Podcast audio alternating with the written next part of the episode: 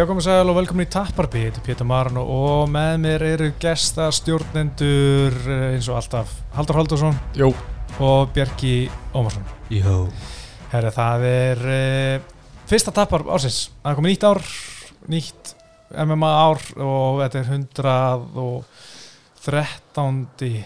þáttur sem það. mm, Þáttur numur 113, segð það bara. Lögrætt og við ætlum að fara vel yfir auðvitað Conor-bartan á laugadaginn það er uh, Conor á móti Dustin Poirier auðvitað 257 en förum með þetta aðeins yfir síðustu helgi og kannski rétt í lókin förum við kartið sem er núna miðugudaginn en það verður eiginlega öllum saman með það. Miðið við svona Conor-kartið skilur við. Svona.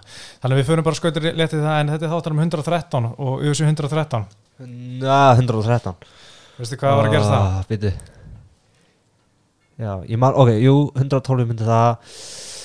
Býtu, býtu, býtu, býtu Þetta er gott útvorp Þetta er gott út, var Já. hlusti. Uh, Ok, hann að Ég held þetta að væri 117 að Ég veit ekki okkur Hann að, jú, þetta er Shogun á móti Lyoto Manchita og Shogun rotar Lyoto í fyrsta lót uh, eða þá þetta er Já það er rétt, sást þetta á skjánum hérna?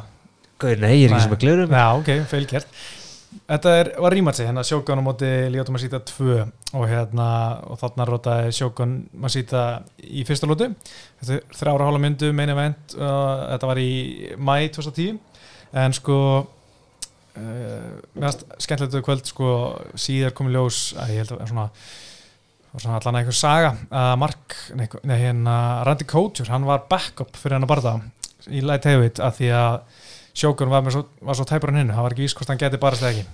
Já, Hann- ok. hann endaði samt á að geta barast en þú veist, hann sagði ef Bartan hefði farið lengur en einn lóta hefði ég aldrei geta haldað fram því að hann ég var í ruggli eins og svo ofta á þér hjá Shogun Hua, mesta legendi sem ég bara á þessum tíma hjá mér sko en svo hann alltaf gerður úr, úr smjöri. En hann var alltaf meitur mm.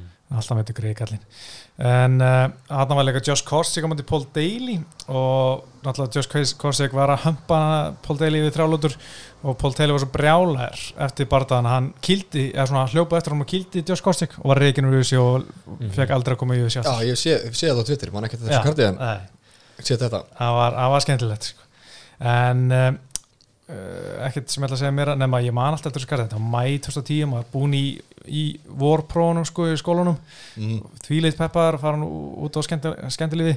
Og ég man sko ég beila á einhverju einhverja píu hana í staðar að hitta hana. Pétur. Fór ég beint að bjarnar fél að horfa á UFC 113 Ah, Ég var og- ákvörð að taka snap, ég segi hvað þetta. Já, hann var bara að gera það sem vilt við þetta. Ég sé ekki eftir því í dag. Nei, þetta var bara, þetta var svo geggjakart Já. af því að ég, svo mikill sjókarmaður ég fagnaði svo mikið þegar ég sá hann rota líta ég bara trúði þess ekki. Mm. Að því ég var að búa mundir en einhverju fimmlótu bara taktískan fæt sko en Mhm. þetta var heldur gott herru, uh, árum fyrir mig í síðasta kart þá er komið á þér Já, Það það, er trillan. það er Boom Ultralight trillan að sjálfsögði búið Boom Ultralight, það er akkurat bjórin yfir bördónum Herru strókar, ég er með fimm spurningar í dag Ég, hérna, að byrja bara nýja árið að fara ekki yfir reglunar Þið sem, hlusti, Ok. þið sem vitið, þið vitið já, Ok, Klárir það? ok, ég ætla að ok, að því að að Conor Fætvík það er kannski einhverjir sem hlusti ekki Já, alltaf. Já, rétt, hár rétt ég, Það er sjálfsögðu, herru, trillan virka þannig að ég er með fimm spurningar, strókar, þið vitið ekki hvað ég er að fara að spyrja að. Uh, Þið ætla að gefa mér já eða nei svör. Þið verður að fljótur að hugsa og síðan í lokin þá ætla ég að gefa mér smá raukstunning fyrir, fyrir svörunum. Ok, let's Pétur byrjar. Uh, Já, Pétur, þú byrjar. Er bara fyrst ekki með fyrstu far Já, Ok, eða það. Já herru, uh, klárir það? Já, Mhm. Við erum eftir að sjá einhvern í topp 5 á einhverjum styrkleikalista í UFC flytja sig yfir til PFL eða Bellator á árinu. Já, Nei. Ok, það er svolítið flókin sko. Nick Diaz og TJ Dillashaw eiga eftir að eiga uh, samanlagt fleiri bardaga á árinu heldur en Nate Diaz og Uriah Faber. Já Samanlagt. Já, what the hell, þetta var flókið spurning. Að fyrir mig þetta eftir. Ok, herru, Conor og Khabib eiga eftir að uh, opinberlega grafa stríðsexina innan 7 ára. Já, Já, ok, ok, ef Conor tapar fyrir Dustin og berst næst við Nate Diaz þá mun Conor vs. Nate Diaz 3 selja fleiri pay-per-views heldur en Conor og Nate Diaz 2 nei. Já. Alright. Bardaginn gegn Conor er stærri fyrir Dustin Poirier heldur en bardaginn hans gegn Khabib Þetta er bara það ekki að kon- ok, bardaginn hans nei, bardaginn gegn Conor er stærri fyrir Dustin Poirier heldur en bardaginn hans gegn Khabib. Uh, segja, Já. Nei, Nei, herru, ok Þetta var, þetta var út um allt strókar, þið voru ekki Já. saman í dag Þetta, herru, nú þurfum við að krifja aðeins hérna. Þetta voru erfiða Já, spurningur í þetta var svolítið, svona ég, Þið var orðin lærðir sko.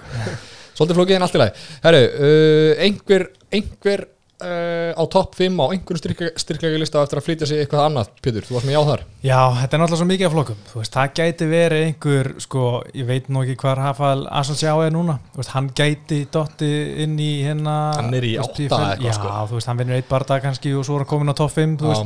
veist, það gæti verið einhver þannig þú veist, ég meina, Rory McDonald fór á sín tíma ég veit til Bellator sko, þegar hann Mhm. var alveg topp 3 sko. -hmm. Eh, ég er ekki með neitt nafn í huga en ég get alveg séð fyrir mér að vera einhver einn, ég meina, Jól Romero var topp 5 þegar hann var köttaður. Já, maður köttaður já. Björki, nei? Já, ég breyti núna Já, Pétur það- er alltaf breyt það var gott svar Það Pétur, var gott, já Sko, því ég var með þetta í huga, sko, var að Pétur sá við mig þannig, þá var ég eitthvað svona, þú veist, allir þekki einhvern upp, sko, eitthvað nafn myndi færa sig, en hvað er það? Það var vel svarað hjá Pétri og það var vel gert. Herðu, ok, þá kemur flóknarspurningin, strókar. Nick Diaz og TJ Dillashaw eiga eftir að eiga samanlegt fleiri bardaga á árinu heldur en Nate Diaz og Faber á árinu. Sko ég ætla bara uh, ná í reikningsvélina Já. og segja ég set tvo barda á TJ Dillashaw þessu ári Mm. og ég set einn barda á Nick Diaz þessu ári þrátt fyrir það set ég 0 barda á Júra Faber Já. og 1 barda max á Nate Diaz þannig að þó að bara TJ berjist Já. þá eru þeir samt með samanlega fleiri barda heldur en Nate Diaz og Júra Faber Ok, ok. Sko Nate Diaz best einu sinni Júra Faber er ekki Ég held að hann væri hættur í svona sjöndasinn En Já, hann hann hætti og kom tilbaka vann Mhm. einn barda og létt Peter Jan buffa sig Hann er ekkert að koma aftur Nei, það hann sá bara, já ekki breyk sko. Og TJ hann á 2-3 á þessu ári örugglega. Mhm. Og Nick Diaz Já, Nick Nick Diaz. Diaz er ekki að fara að keppa aftur. Sko, það er satt alveg, er- það er tjatter, sko, það er alveg bara hérna, sko, ég horfði á þetta þannig að Nate Diaz, sko, nei, Nick Diaz 0, TJ Dillashaw 2, Nate Diaz 2 og Uriah Faber 1, sko, ég En- var, ég var. En sko Deina var að segja núna Sáðu það ekki að Nate Diaz er að fara niður í lightweight. Mm. á móti gæja sem er í lightweight. Og hann og þá spurði hann er hann líka að koma niður í lightweight aftur? Mm. og hann sagði nei. Uh, Justin Gaethje? Já það getur verið sko. Já, já, já, það sé já, Jessica já, já, já, oh my god, okkur var ekki búin að fatta það? Ég var bara, hver getur þetta verið? Ú, það Það er er bara. Hestin, Hestin Já. Gaethje? Herðu, ok, strókar, þið voru bara, hérna, með bara fullir ást, hjarta, hjarta úti, Conor og Khabib eftir að opinberlegast grafa stríðs exina innan 7 ára. Já, sko, sjö ár þá er Conor 39, hann lítur að vera þá var hann búin að hætta kannski svona átta sinnum. Mm, og, og, og það mun áttunda sinn verður síðasta sinn held ég sko, veist, það verður komið að því þannig að þegar hann verður 39 uh, Khabib, hann er er hann ekki 88 móti líka? Hann verður hérna líka 39 held ég eitthvað mm. svoleiðis hann verður 100% hættur 39 ára gammal og ég meina þeir voru svona næst í hennu búin að gera þegar hérna Khabib líst yfir hann var hættur. Conor sendi eitthvað á Twitter, þú veist, flottu fyrir bla bla bla, þú veist, Veit. það var svona eins og var að grafa þetta, síðan þú veist að leiða Conor komin aftur í söðslu og stiði er hann alveg fljótur að rífa upp exin aftur og aðeins að pota í, Aðeins að nota björninn, skaftið kannski. Já, Mm. Já, já, þið voru báðið, já, þið voru báðið það, bara já, já, herru, ég er til í það. Ég, hérna, ég væri nefnilega til í að sjá það bara, þið, þú veist, þið myndið eitthvað svona, já, veist, koma, saman, eitthvað koma saman fram og Já. eitthvað svona, æ, þú veist, það nú meira rugglið en ég þið. Ég það er er til það, sko. peninga maður. Er geggja vídeo þeir tveir saman og horfa á vídeoið af, þú veist, blamanaföndunum eða þannig að þegar Khabib hoppar yfir Já, og hlæja því saman já, það væri geðvegt, það sko. væri fallegt Væri að södra, hérna, búmúltralæt saman, þú veist. Æ, væri bara, ég var til að sjá það. Herru, ok, uh, ef Conor, segjum að Conor tapir fyrir döstinu núna og þá fer hann beint í Nate Diaz, við erum að gefa okkur það, þá sviðismynd, þá mun Conor Nate Diaz þrjú selja fleiri pay-per-views heldur en Conor og Nate Diaz 2 og það var, var risastór pay-per-view 1,6 miljón bæs og Já. eitt af þeim stærstu. Já, ég held að það var ekki einn stort sko. Veist, það, á þessum tíma var náttúrulega Conor Hughes svona, veist, áran hans var aðeins meiri heldur en ef hann tapar sér aftur fyrir döstinni þá er áhugin fyrir tvín myndi fara aðeins Mhm. niður Mm og líka því að þú veist, við erum búin að sjá þetta tvisar og hérna Nate Diaz er kannski ekki alveg búin að vera held ég sé ekki eins stort nafn eins og hann er þá skilu þarna var þetta, þú veist, Nate Diaz nýbúin að vinna ríma sig, þetta var the big fight sko. Uh, þetta var núna, þó að Conor myndi vinna og Nate Diaz myndi vinna, þá held ég að þetta væri aldrei alveg jafn stort, ég myndi segja þú veist, maxið sé 1,4 miljón pay-per-view buys mm. en ef Conor tapar og þú veist Nate Diaz er að geta berjast það er svona 1,2 skilur þetta verður svona eh, ekki meira en 1,6 ok, myndi ok, ég ok, segja. ok. Þú varst með já, hérna. Já, þú eru góða punktar. Ég held sko, ok, ef hann tapar og fyrir hann mútið neitt þá er hann svona þá er það eitthvað svona last fight. Um svona, og Mhm. þá er hann að fara að taka þetta all in, ekkert eitthvað svona charity event dæmi, hann er að fara að vera þú veist, kastandi monster energy drinks og Mhm. eitthvað svona shit í hann. Og bara þú veist, þeir að fara all in. Og ég held að þetta fari út um allt.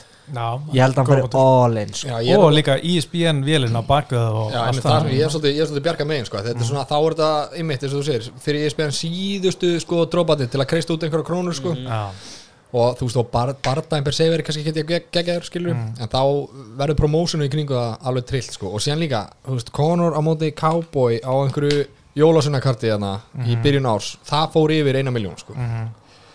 Veist, það er ekki, það er ekki langt í þá 1,6 eða eitthvað meira, sko. En hvort myndið þið freka vilja að bardaginn og lögadaginn væri Nate Diaz eða Dustin Poirier? Dustin Poirier- Poirier, Poirier. 100%. ég, líka, ég skil ekki alveg þetta Nate Diaz Nei. þriðfætt sko. eigum það alltaf alveg sko, horfa. á við eigum það alltaf, þú getur alltaf bútið þann Já. bardag, sko. Höldum aðeins áfram með hitt. Herru, og höldum aðeins áfram með trillunarstrókar Bardaginn gegn Conor, það er svo svolítið flókin ég fannst þú skýri haustum á mér, en Bardaginn gegn Conor fyrir Dustin Poirier er stærri Bardagi heldur en Bardaginn hans gegn Khabib, hvað finnst ykkur? Já, sko ég finnst sagði að Kabi Barda væri stærri fyrir Dustin Mhm. af því að sko ég var að hlusta á vittölu við hann í dag veist, hann er að tala um þú veist, uh, hann er svo mikið að hugsa um að vera me- meistari sko. Veist, hann vill bara vera meistari, vera bestur heimi fá Mhm. belti, veist, hann, það er það sem hann vill umfram allt Jú, auðvitað vil hann sjá fyrir fjölskyldinu og allt það en það sem hann vill er belti og vera bestur heimi uh, sko Conor Bardan gefur hann meira í aðra hönd meiri peningur en fyrir hann svona persónlega samt, þú veist, þetta var sárt fyrir að tapið skilur moti Conor. Þetta er erfitt, en ég ætla bara að halda með það að, að hann vill fyrir ekki að vera meistar eldri en eldri vinna Conor. Skilji? Þú veist Red Panty Night sko. Já, það er nefnilega það, sko. Ég, ég myndi, þú veist, ég held að hann sé gladari að vera að fara mútið Conor sko. Ég held að það sé starra sko. Já, sko, sko, eða fyrir Khabib bardagann, þá hefði þá var alltaf að segja að þetta er miklu stærri bardag þetta heldur um einhvern tíma að berast til Conor sko, núna Khabib upp á beltið sko. Svo eftir á, þá var svo auðvöld að segja þú veist, það var bara lamin hann það var svo auðvöld að segja sko, því núna til dæmis veit kærasta mín hver hérna Dustin Poirier er sko. Hún hefði myndi ekki að hafa hugmynduð Þetta er svona nú er hann stoppaður sko og beðin um mynd sko. Já, Já, já, þannig að þú veist, það er svona snýst þetta ekki um það? Am, jú, eiginlega. Þetta var mörg að taka hana Herru, þetta var ekki lengri dagstrókar uh, Herru, Þið stóðu kvöld já, takk, þú líka. En ég ætla að koma eina að loka svona bónus Já. bara ég sá þetta bara á hérna, og fleikt fram hérna á Twitter aðan. Já, Hvort myndið þið freka vilja fara fimm lótur gegn Max Holloway eða taka eitt sko 100% högg frá Engano Ó, höggið. Höggið, eitt. Eitt högg versus 490 eða Já, eitthvað. já, já uh, það er auðvitað Engano sko. Ég held að það sé betra sko bara slöknast að þér, kannski Já. lifur það af. Mm -hmm, Jú, ég samanlega, ég myndi freka vilja láta Já. Engano bara kýla með sinni og... þetta er öflug spurning Ömur spurning sko. Þetta þetta er góð spurning, þetta er erfitt að, þú veist, ég þurfum að vera í svona er Já, ekki? leiðilegt að, þú veist, út að eitthvað svona á æfingu, þið eru að hlaupa 10 km frekar vilja taka 10 spretti, sko. Já, það er bara rétt gerir over with, sko.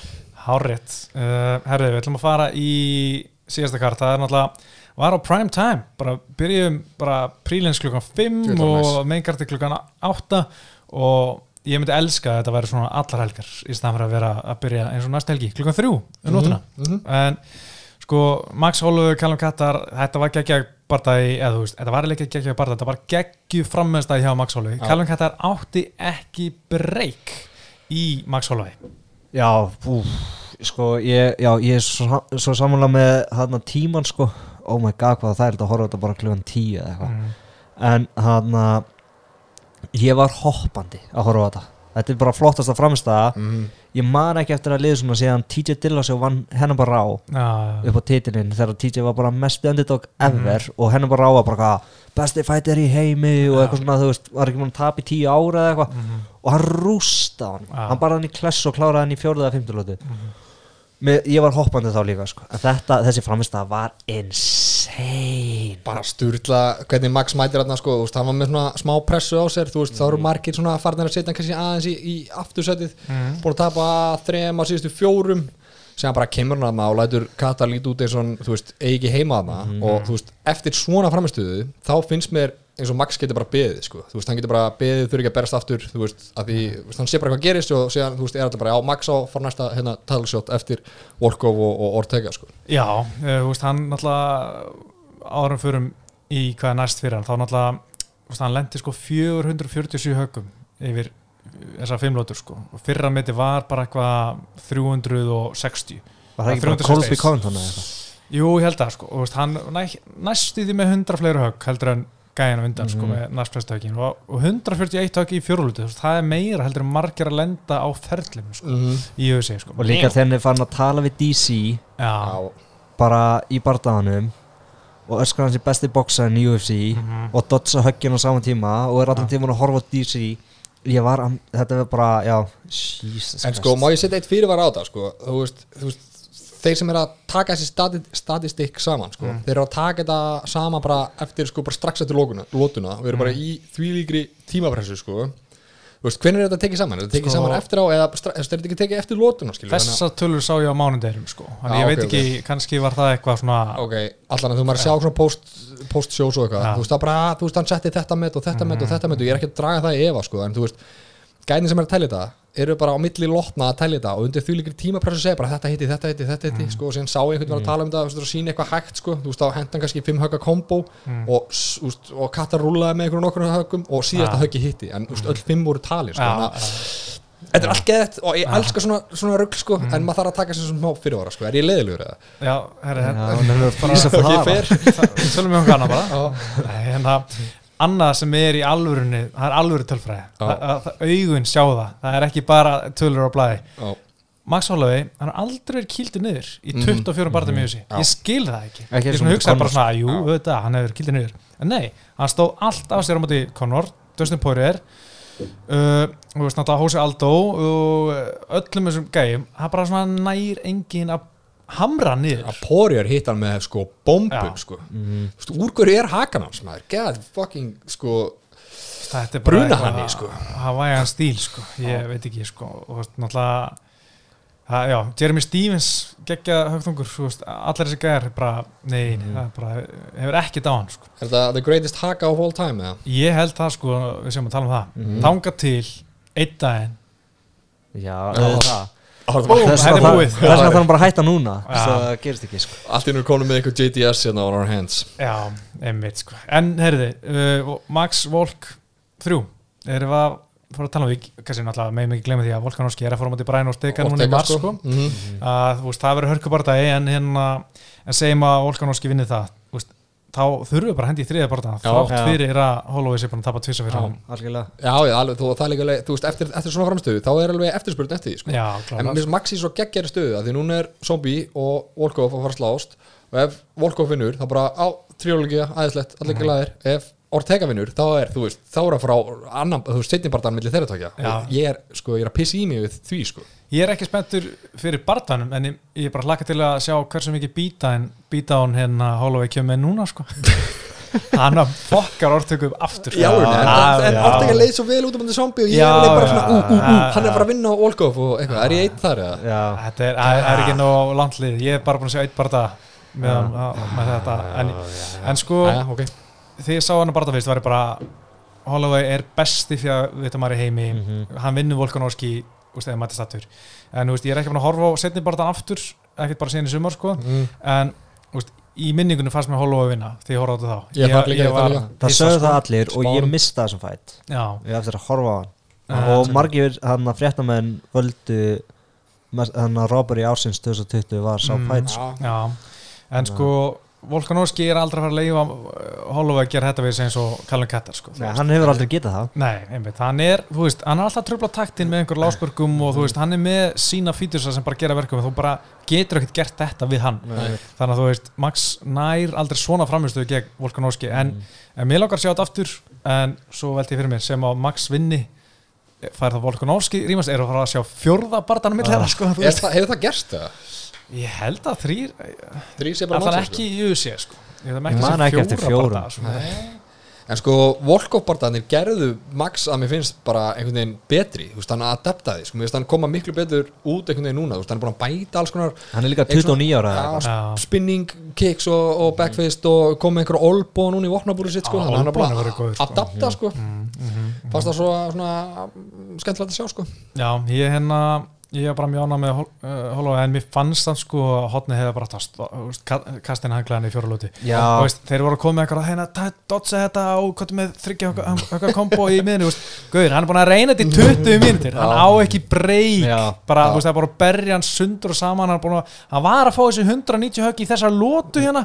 Og veist, og bara hann er búin að reyna allt sem hann getur og Max Holloway er að buffa hann þú veist, kastin hanglaðan, hann á ekki breyk en þetta er Þú veist, það var grjótharður en þú veist, þarna áttu samt bara þú veist, þegar 15 lótur að byrja þeir bara segja nei en sko, er, samt ekki, er hann ekki búin að vinna sér inn þann rétt að vera Lamansson í klessu sko, hann er búin að vera hann að, kattar sko, búin að vera hann að hafa þvílitt fyrir því, fá stóran barða main event sko, að þú veist, hann á þetta ass-kicking, þú veist, hann er bara búin að vinna fyrir þessu ass-kicking og eitt í þessar umræði, ég er alveg sammála, ég er alveg til í að, að sjá hann að barða að stoppa hann í fjöruðu og hotnið hans er að fá svolítið shade að hafa ekki kastað hann hanglæðinu. En er þetta ekki meira á Herb Dean eða, hann á að passa öryggið. Ég held að hann myndi stoppa hann einu sinni sko. Já, mér finnst það líka hann á alveg klárlega svona, má benda fingri á hann sko, að hérna, hvort að hann að mér fannst hann svona bara ekkert vera mikið að spá þessu, hann var bara svona Já. fylgdist, kíkt aðeins á hann Það var við Bara- síkaretulykt og áfengislykt Herri, Dominic Cruz, en hérna, mér fannst hann svona ekkert vera mikið að þessu Já, hann var að stoppa í fjöru sko. hann, svona, hann, tók svona Já, já, já. skref fram á því sko. ég var alveg með, ég var smá auður á að hann myndi hérna, klára þetta í fjöruðu sko. það var alveg geggjaða stuðlaði sko. Já, það hefði verið flott fyrir þið sko. hann uh, Herb Dean skuldar sko. Já, en sko mér finnst líka með sko, ég er náttúrulega ekki í fætir og ekki búin að vera í þessar stöðu. En ég hugsaði þegar hérna, hotni var að segja hann bara taktu komboð hérna að gera þetta. Ef ég hefði verið, ég bara haldu kæft, ég er bara að reyna í 20 myndu bara að kasta hann hanglanum fyrir mig. Þegar svo ég þurfi ekki að gera það sko. Veist, það er bara, já, mér það að vera veist, pínu í leiðilegt fyrir hann en, en auðvitað er hann grótarar vill halda áfram skiljum uh, nóð þannig bara þetta Carlos Condit, Matt Brown það var bara fít bardaði skilur Condit með tvo sér röð eftir fimm typur röð þar undan. Og Condit hann var að klára síðasta bardaðan á samlingum sinum þannig að ég held að ég hugsa hann, hann fá ekki góðan samning, auðvitað hendir einhverju svona peanut síðan og hann fer í Bellator eða, eða PFL eða, hva- var það síðasti bara daginn á, á, hérna, á kondit já, á já. hann er til í að semja, hann er líka til í að skoða. Hann er ég hugsa að hann fari eitthvað annað sko. Já, þú veist, hvað ætti, þú veist, ok, allir þetta fínt bardagi og fínt matchup og hann var í jafn og uh, tvö legend og allt það, sko, en þú veist, ok, nú er hann bara að vinna tvö í röð og hvað á þá að gera við hann næst? Sita hann eitthvað svona, já, látum hann fá Masvidal, Nei, eða takk. þú veist, það bara, þú veist, hann verður bara lafin í klessu. já, ég vil bara sjá hann fara á móti gömlu köllum, bara Serroni eða eitthvað Já, þú veist, bara, svona, bara gamlir bara, Díaz, veist, fáum Nick Díaz tilbaka og já, þeir, það er eini gæðin sem við sjáum þetta er Nick Diaz Já. það er svona, sko. Já. Rematch Já, rematch.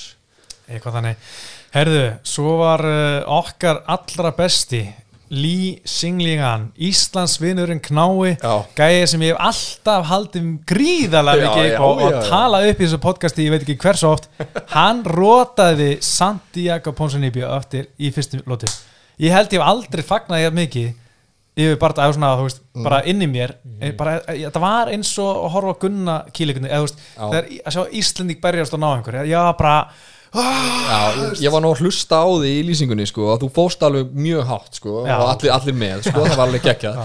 hann er að rótan Það var, sko, það var geggjað. Ég verði að heyra þetta rífið ykkur inn á Viaplay og hlustið á, á Pétur þetta var geggjað mér fannst það mjög gaman sko. Já.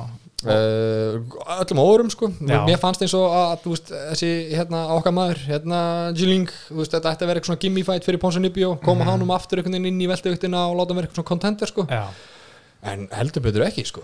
Já, mér Fáðu fannst líka sko Pónsinni bara vera stressar mm. hann var ekki svona, hann var reyðgar mér fannst hann vera svona pínu svona smeykur um að, hann var aldrei að henda þessar hægri fram, hann var svona byrja mjög róla, hann var ekki eins aggressív eins og vanlega þannig að hann var með þetta umtala ringröst sem uh, er stundum hjá sumum en ekki öllum. En uh, ég var mjög ánægð með þetta en hérna ég uppleiði, ég held ég aldrei uppleiði mikla þórðargliði eins og þarna það ég bara, ég, sko sko, kærast minn var einmitt að svona sem ég nextast á mér, ég með langaði svo að gera sko, ég ætla að gera svona compilation video bara fyrir sko mitt persónulega Instagram ekki fyrir eitthvað eitthva YouTube sko þar sem Mm. ég að alltaf taka saman alltaf fyrirsagnuna þannig að hann var að tala um sko Já, Lee, já. Lee will suffer after he made a big mistake Mhm. taking this fight og, og líka hendin þegar hann hérna sagðist ekki að kannast neitt þessu aukpótamöndu gunna Mhm. og séðan henda þessu rótaki með og, og Titanic-leginu ég ætla að henda eitthvað þannig sko Já. en svo bara glemdi ég Þú tekur að setja sko. Já. talandi þess að fyrirsagnir sko, hann sagði bara eh, eins og þú segir sko, I'm gonna make him feel the pain og he's gonna suffer og sagðist vera sagði líka, sagðist vera tilbúin sagðist vera tilbúin að berjast upp á beltið og hann ætti það skilið. Já, what? já, þú veist, hann er búin að vera off í, í þrjú ára eitthvað, þú veist, alltaf breyta sér tanna fekk COVID og síðan sér sér síking sko. Já en uh, já, bara þú veist, gaman að þessu sko Ég fagnaði þessu greiðlega sko, en ég verð samt að taka það fram að ég var um tíma alls ekki mikill lí singling maður. Mér fannst það að vera að fá um tíma eh, eins og kallið dag, kannski ekki þá, uh, Bellóttur meðferðina. Hann Mm. var að berjast í Kína og heimaðalli og þá voru svona minni spáminn að fara mót honum, gæjar Mm. sem hann leit vel út gegn og allt í búin að vinna fjóra barða röð og, og hérna, og allt í hennu USA var að hæpa þennan gæja upp í Kína. Lýsinglag, búin að vinna fjóra barða röð, er í co-main event og ég bara, þessi gæja getur ekki neitt. Hann er ekki svona góður, en síðan þú veist koma mér ókslega mikið óvart þegar hann vann hérna Elisi Saleski dos Santos uh, 2019, þá var ég bara ok herrum, mm, hann, er, bara- hann getur eitthvað. Og svo núna rota Ponsin Ippi þannig að ég tek margt sem ég sagt um hann tilbaka Já, þú veist það að tala um þess að hægri hérna Ponsin Ibjó, þetta er erfitt með að koma inn þessi beina hægri sem hann nota mikið sko, þú veist, Chilling, þú veist, hann var einhvern veginn svona okkur, skilja, hann Já. hau, hausin, þú veist, hægri vinstri, hægri vinstri og einhvern veginn svona þramma tilbaka aftur og bak, sko, þú veist, hann náði einhvern veginn aldrei að pinpointa hann, sko, náði aldrei að beita þessu opni og síðan bara, ekki að gís, Já. það róta hann, sko. þetta var gríðarlega skemmtilegt en annar rótök sem ég varst mjög aðteklist það er okkar maður, Joaquin Buckley Já, sko shit. við tölum með hann Tíðurgestur. já, frábær áhrif honum þannig sé svo bara, þú veist, var hann steinróta Já, já, eldfluga bensin í gufa upp hann, sko. Já, þú veist, þetta er bara svona eins og alltaf, ég meina stundum er stúka sem er að taka klikka headkick á okkur auðvitað hælæti Mm. stundum er einhverja headkick að þig það er bara eins og leikurinn gerir en þú veist, ég held svona þú veist, ég var rosa spenntur fyrir hann sko eftir barðanum 2, því að maður það var svona ekki buff og ég hugsaði bara, þetta er svona Tyson Power svona í eins og gæja Mm. ég held að hann geti að fara að vera eitthvað en þú veist, síðan voru margir að segja þú veist, hann er ekkit góður skilur, veist, þannig að þeir svona, þetta var svona svolítið vatn á millu þeirra Já. sem voru að segja að hann væri ekki svona góður Já, þú veist, ég skildi ekki, sko, fyrir hann bara hann skildi ekki alveg þetta matchup, sko, þú veist, af hverju er að setja Bökli hérna uh, sem er á þessu rönni á móti þessum í, ítalska gæja, Alessio sem er á þryggja barða taprinu, sko, þú veist, áttu þetta líka að vera eitthvað svona, herru, Dana White er að ná sér í eitthvað annað highlight video, sko, þú veist, að já, er komið smá tröll 100% þannig sko trölladegi í höndunum sko, alltaf að Já. búa eitthvað til sko Dana var þetta fjúm eftir hann bara það sko Gali maður það var Bellator uh, fnikur yfir þessu barða Já. sko, þessu matchupi sko Hvað var þetta sko? Ég sá, Eh, já, já. fyrir ekki alltaf Mér varst líka ótrúlega að fyndi með DJ Rico, þú veist, hann bara tapað þreim barðum og fekk aldrei sitt viðtal eftir þá barða og þannig að þegar hann vann partjana voru hann í fílu bara það, mér finnst að það ætti að taka, tala, taka viðtal bána eftir svona Já, já. og svo fór hann bara. Stóð við orðin sko, hann sagði fyrir barðan ég, ef ég vinn þá ætla ekki, ekki Ah. já, sagði, ef, fyrir barðan, ef ég vinn þá ætla ekki að koma inn í viðtal af því að þú veist ég tali aldrei við okkur sem töfum alltaf. Þú veist, sko, ég hef ekki viljað sá neitt viðtal við Bökli eftir þetta, hann hefði verið bara rambling on og ekki veit neitt hvað er gangi og þú veist, það þarf ekkert að taka viðtal við gæði sem er búið að róta sko. já, sáðu þetta hana, æ, og hann gerði það líka blámarfutin, hann mætti sagði sömu tökunum, já mér finnst nú ætti ekki að taka og fór skilur, og síðan sá ég að Dana White var ekki að segja að hann kíkt inn í klefa Já, einmitt, einmitt, einmitt. og það var bara eitthvað trullar út, hvað er það að gera? Já, what the fuck are you doing? Veist, hvað attitude er þetta? Já, þetta er skrítið sko En þú veist, hvað er að gera við hennan í Ítala núna sko? Ég vissi ekki eins og ég bara að vera viðkjörni Ég vissi ekki af tilvægast þessa mann sko. Bara- ekki alltaf einhverja gæja frá þessum mörgum bara beint á prílims á einhverju Eurofennat, sko, það er öllum drullar sem aðmann skilju eftir, eftir, eftir viku Ég var ekki að reyna að hæpa hann upp sko. Nei, veist, því miður sko. En því miður sko En uh, segjum skilið þetta Nei, við ætlum að, sko, búið með bardana Mm. uh, Það var nefnilega Eitt sem ég var mjög spenntið fyrir þetta kart Ára kvöldi byrjaði Það var The Decision. Það átti að koma einhver svaka tilkynning frá Dana White um hérna ákvöruna hjá Khabib. Hann Mhm. fundaði með honum á föstuðinum Mhm. og svo átti að koma hérna ákvöruna í ljós. Ég ætla að tilkynna þetta á ACB stöðinni ABC hérna klukkan 8 mm, og ég var þvílið spenntur. Ég bað því um að vera tilbúin í startólunum til að bomba frétt út. Já, og svo var bara, að, hann er til kannski ef þeir eru flotti núna um helgina að, svo er hann kannski bara hættur þetta var, Þetta var- svolítið anti-climax það var ekkert svolítið antiklæma hann sagði samt þurfa að fá svar hann fær svar á mánudaginn hana, og þá var það já eða nei hann. Já, sko, hann sagði í, hann sagði sko að Kabib er að Connora, nei, er að Cornora er að. Cornera, einhvern gæja á morgun sem veit ekki hvað er og flýgur síðan til Vegas og síðan á- alltaf dænum að þetta eldan og þeir fara eitthvað já og neð þar. En eins og sér, þetta var voðalega mikið eitthvað svona oh my god, þetta er eitthvað svona uh, promotion stunt að þeir voru hann í fyrst skipti á ABC Network en eitt í þessu, ég er nú frekar jákvægur að þú veist, þetta er skref upp á við frá því að hérna Kabi sagði nei, allir ekki slást að þegar pappi minn er dáin, ég lofaði mömmu og þú veist, nei, nei, ég er hættur, þú veist, gleymið mér sko. Mm. skref upp á við það, núna Já. er eitthvað svona ken- kannski, já, það, það er kannski er betra en nei. Já, en uh, sko, ég ímynda mér að sem eru svona Kabib svona fór hann að fund bara, "Eh, nei, þú veist, ég, ég er hættur sko, það skiptir ekki máli hvað hva býðum með mikið penning sko, ég er hættur veist, það er ekki nema, þú veist, Conor eða Dustin gerir eitthvað klikka á lautan, það er til. Og Dana grípur þetta bara. he's back, þú veist, það, ég Samt, ég trúi ekki að því að hann postaði á Instagrami sitt og svona vídeo svona summaði sig og summaði síðan á Deina svona inn á fundinum og svona, svona vídeoði búið, settaði í story. Þú veist, ert þú að gera eitthvað svona eða þú ætlaði bara að labba inn og funda og segja nei, ég er hættur. Hann var kannski að tala um eitthvað annað, hann er nýbúin að kaupa barðarsamtök og að reyna að koma með eitthvað díl þar og þú veist, hann er víl og díl held ég sko. Já, Já. það er pæling sko. allt, allt við þetta var veginn svona, bara svona selt sko, þú veist, það er svona sníkur af því að vera, vera að selja mann eitthvað sem þetta er ekki sko, Já, þetta voru wolf tickets. Þetta voru últekið sko. Það er rétt, uh, en þetta setur svona samt aðeins meira undir held ég fyrir fjóra stráka. Já, Conor McGregor, Dustin Poirier, Dan Hooker og Michael Chandler. Ég held að þeir hafi verið gripið þetta svolítið á lofti þessa frétt sko, Já. þessa hérna tilkynningu sko. Uh, en uh, sko tölum bara um Conor og Dustin Poirier. Já. það er núna Fight Week það er þriðdagar og hérna barðan og lögðaðin í Abu Dhabi og uh, uh, það er búið að vera svona pínu það er svona frekar lítið build-up. Ég man að við vorum að tala við hérna einna stjórnandum í styrakastinu sem er nú að taka upp á sama stað við hérna í, í Baklandi að hann var bara svona, hæ, er Conor núna með já þetta? Þú veist, það er svona- margir múin að setja við mig sko. Já, ekki mikið build-up sko núna en Nei. nú hlýtur auðvitað að fara Mhm. fullt og, og eins og vorum að tala um fyrir þáttin það var svona, þessi viðtölu Conor hana, The Convo með Ariel Helvani mm, það hafi ekki komin eitt eitthvað það áhört úr þessum bútum, nei.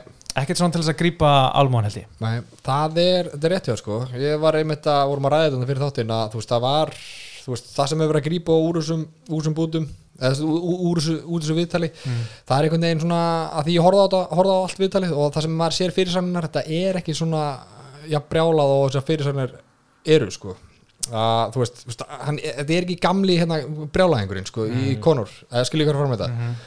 Uh, og það selur svo mikið fyrir þú veist, áhörundur sem er ekkert svo mikið að pæla í skillset og svona. Mm. veist, ég er bara spenntur að sjá hversu góður hann er ennþá þú veist, mér langar að sjá að slást sko. mm -hmm. og ég held að einhver, þú veist, eitthvað partí er ekkert að fara eitthvað að stoppa og hei, þú veist, Conor og það, þú veist, eitthvað, hann var brjálæður í gæðir hann í viktunni, eitthvað, Nei, þú veist, eitthvað svona það er að byrja núna, eitthvað svona setja á það skilur, mm Mhm. að það er ekkert svoleiðis í gangi. Nei, nákvæmlega sko Það er vantar, úst, ekki það ég sakna þess en þú veist, Smá. ég hef oft haldið sko, þú veist, þegar Conor var að mæta á blagamannafutti hérna fyrir Eddie Alvarez í pelsinum og svona, ég var alltaf svona, hann þarf ekki að gera þetta. Þú veist, hann er með alla aðteklina Ja. en þú veist, núna, já, þá kannski þarf hann smá minkapels og kasta stólum sko, ég veit það ekki, ekki að ég sakna þess en bara svona pæling. Við þurfum að fara að rópa þetta á hústöku núna hérna í vikunni, Já, að láta fólk vita. Vant kannski líka svona aðeins meiri veist, þegar hann var upp á sitt frægastur upp á sitt besta, þá var, hann- var hann einhvern veginn að berjast bara tvisari viku, sko veist, langt síðan hann tengdi saman síðasta fætt sko. hann var byrjun síðasta árs síðan hættan, skilur mm. að koma tilbaka núna þú veist, það er einhvern veginn að sé alltaf á byrjunleit það er að koma Já. sér svolítið á skrið sko, að fá vilja hans í gang, finnst mér sko. Já, það er svolítið þannig sko, en ég veit samt á laugardaginn þú veist, þá verða koma spurningar inn, hvernig er best konur skilur, Mhm. það að vera allir að, að tekka þessu þá, að kveikja þá fólk Mhm. kveikjar á laugardaginn Já, ég fæ fullt af spurningum á föstudaginn og lögadaginn einhver Já. að senda á mig Ég ætla að segja núna bara hérna, ég er ekki búin að skrifa um þetta en, en þetta er ekkert leyndamál en sko, auðvitað er náttúrulega búin að vera via play núna sinni í oktober og pay-per-view alltaf verið innifalinn í, svona stóra pakka sem er í búið Mhm. en þetta verður fyrsta sinn sem pay-per-view er ekki innifalli þú þarf að borga sérstaklega fyrir pay-per-view á Viaplay núna, Já. ég held að ég man ekki hvað kostar, þetta er alveg uh, einhver fimm áskall eitthvað, pay-per-views þannig að bara, þannig að fólk vita því að það ætlar að uh, svo getur auðvitað fólk keift pay-per-view líka við UC.tv á Fightpass þannig að fólk, getur, en fólk þarf alltaf að borga auka fyrir þetta pay-per-view sko. Það borgar fyrir Conor sko. Já. Þú veist, þetta er bara Þetta er bara framboð- business. Framboð Já. eftir, eftirspurn Ég er að fara að borga. Nákvæmlega. Á já, taka mína penninga Uh, bara daginn sjálfur, sko, þeir náttúrulega mættust hann í september 2014, þá var landið svolítið annað, skiljum, bara mm hennar Conor og þetta búin að vera í Íslandi um sömarið þannig fyrir mm Dublin kampið og bara þvílík stemning og, og svona, ég man, ég var, ég var að horfa á hennar barða aftur í dag og svona ég horfa á þetta, ég bara svona að hugsa bara, þú veist, engin, þú veist, ekki UFC eða við eða neitt, sko held ég að hafi átt að segja á hvað þessi gæi var að fara að vera mikil stjarnan, hvað hann var að fara að vera ógeðslega færi, þú veist, maður sá hana ógeðslega góður hann er kannski að fara að ná sömu hæðum og DSP og John Jones eða eitthvað, þú veist og þessum tíma skilu 2014, en þú veist, í dag er hann bara, þú veist, bara langstæsta, hann er bara einn stærsta íþróttastjarna í heiminum, sko svolítið svona gaman að reyfið upp, sko, þessa, þessa tíma ég meina, þú var svolítið að náttúrulega sparra við hann hérna 2014, eða ekki? Jú, ég sparraði við hann þá og hann gaf mig glóður reyndar. en hann já, það, þetta er svo rétt þú veist, hann er svona mikið svona smá bara Justin Bieber einhvern veginn, bara svona allt í henni var hann bara allir í heiminu vita hvað hann er, Mhm. það er svo skrítið þú veist, bara nok fyrir nokkrum árum þá var hann bara eina og bara eitthvað, þú veist 10-11 eftir æfingu og þú veist, bara eitthvað chilla og fara með okkur í einhver mjölnisparti og eitthvað, þú veist, Mhm. Mjög skrítið sko. Já, ég man að var mjölinspartí hana í júni 2014, þú veist, það var bara mánuður í bardana sko, Já. það var hann bara jamminu, við varum bara eitthvað, ó, hann er bara, hann er ekkert eitthvað að fá sér einn og fara heim. Næni hann var bara all in, sko. Já, já og það kannski var svona smá vísbendingum það sem koma skal hjá kallinum, ég veit það ekki en, Já, en, en, hérna, þú veist, en ok, grípum það á slófti er, er hann núna, þú veist, segir alltaf fyrir hvernig einasta barða núna segir hann bara, kampið er aldrei eru gott og ég er ekki að fara hérna og í pókan og fá mér okkar búm, þú veist. Í, þú veist, í vikunni. Hann að segja þetta sé bara lætur þetta alveg friði. Já. já, já eða nei, trúðu þessu? Ég veit ekki, því að maður veit Já, aldrei sko, ég- ég held að já. hann væri sko, í klikkuð formi fyrir KB Bardan þú veist Já. bara, hann lukkaði svo einbettur og bara allt í toppstandi svo bara eftir Bardan heyrði maður bara því líka sögur.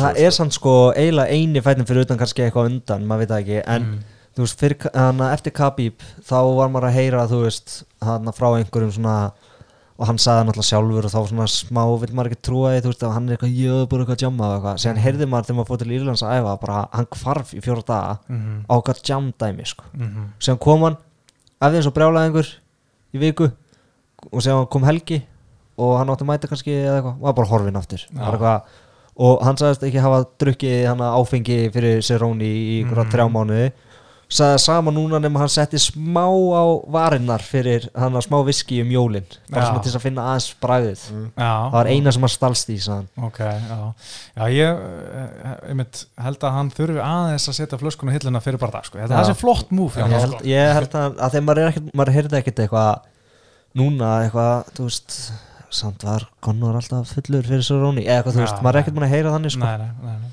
ég fell alltaf þessu, ég fell, ég fell alltaf í þess að grifið og að segja, já ok, núna núna er hann í, í toppstandinu og bara með einhvern veginn alla barðamenn sem ég held upp á sko, og ég er bara í grifinni núna sko. hann er sann sko, hann er gaurinn sem þarf að vera edru til þess að standa sig John Jones, hann er gaurinn sem þarf að vera Já. fullur var miklu betur hefði hann. Óþólega bara eins og Bubi Mortens og miklu betur að semja lög þegar hann var í því sko.